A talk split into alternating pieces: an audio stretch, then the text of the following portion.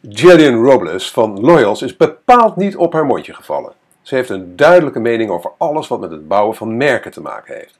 In haar dagelijkse praktijk ziet ze hoe ondernemers steeds weer in dezelfde valkuilen trappen bij het bouwen aan hun merk. Waarom zou jij dezelfde fouten maken als je ze simpel kunt voorkomen? Daarom zet Gillian deze valkuilen kort en bondig voor je op een rijtje in onze podcast van deze week. Blijf zeker luisteren tot het einde, want de podcast is lekker kort en de tips zijn zeer de moeite waard. Maar voor ik verder ga, wens ik je natuurlijk eerst een hele goede morgen, goedemiddag of goedenavond of zelfs goede nacht. Want wanneer je ook luistert. Ik vind het heel bijzonder dat je je kostbare tijd de komende minuten met mij wilt delen om te luisteren naar mijn podcast van deze week met de titel 5 valkuilen die de bouw van je merk tegenhouden. Mijn naam is Erik van Hal, oprichter en eigenaar van CopyRobin, een dienst waarmee je altijd over een copywriter kunt beschikken voor een bescheiden vast bedrag per maand. En natuurlijk oprichter en hoofdredacteur van MediaWeb, de Nederlandstalige blog en podcast over digital marketing speciaal voor mensen zoals jij en ik. Dan gaan we nu verder in de woorden van Gillian Robles van Loyals. Per jaar zie ik zo'n 50 bedrijven van binnen door onze Cut the Crap meeting sessies, link in de blogpost. Daar zetten we gezamenlijk de eerste stappen richting het bouwen van een merk. Ik vind het een van de leukste dingen om te doen. De diversiteit aan ondernemers en bedrijven die we mogen helpen is enorm. Dat maakt het nog interessanter toen ik erachter kwam dat als er valkuilen zijn, ze voor bijna iedereen hetzelfde zijn. Wat? Reden genoeg om ze te benoemen. 1. Er voor iedereen willen zijn. Deze deel ik vaak en graag. Niemand is er voor iedereen, maar dan ook echt niemand. Geen enkel mens en geen enkel merk. Hoe sneller je hier overheen komt, hoe beter. Over het? Dan kun je, kun je nu beginnen met authentiek aan jouw merk te bouwen, zonder je steeds aan te hoeven passen.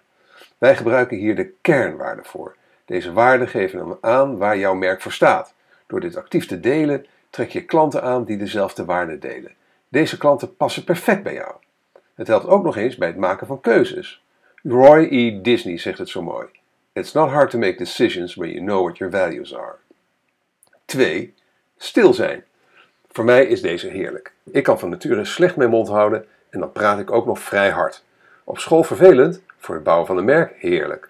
Maar vergis je niet, je hoeft echt niet te schreeuwen. Doe het vooral op jouw manier.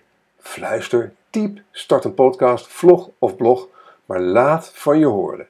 Pak je waarden en vertaal ze naar content die bij jou past. 3 naar anderen kijken. Een merk bouwen is intensief werk. Het vraagt al je focus, tijd en energie.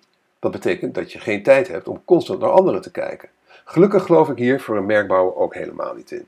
Kijk naar jezelf en naar de mensen in je organisatie en bouw daar je, jouw unieke merk op. Daarnaast nodigt kijken naar anderen kopieergedrag uit, terwijl juist de merken die het al helemaal anders doen, winnen. Dan komen we bij valkuil nummer 4. Afwisselen. Niets is zo schadelijk voor een merk in opbouw als mixed signals. Branding is niets anders dan het tot in den treuren herhalen van je boodschap. Je logo, je brandstory, je look and feel. Mensen houden niet alleen van andere mensen in hokjes stoppen, ook merken willen ze graag een plekje geven. Maak ze dat zo makkelijk mogelijk en stick with it. En tenslotte valkuil nummer 5. Angst.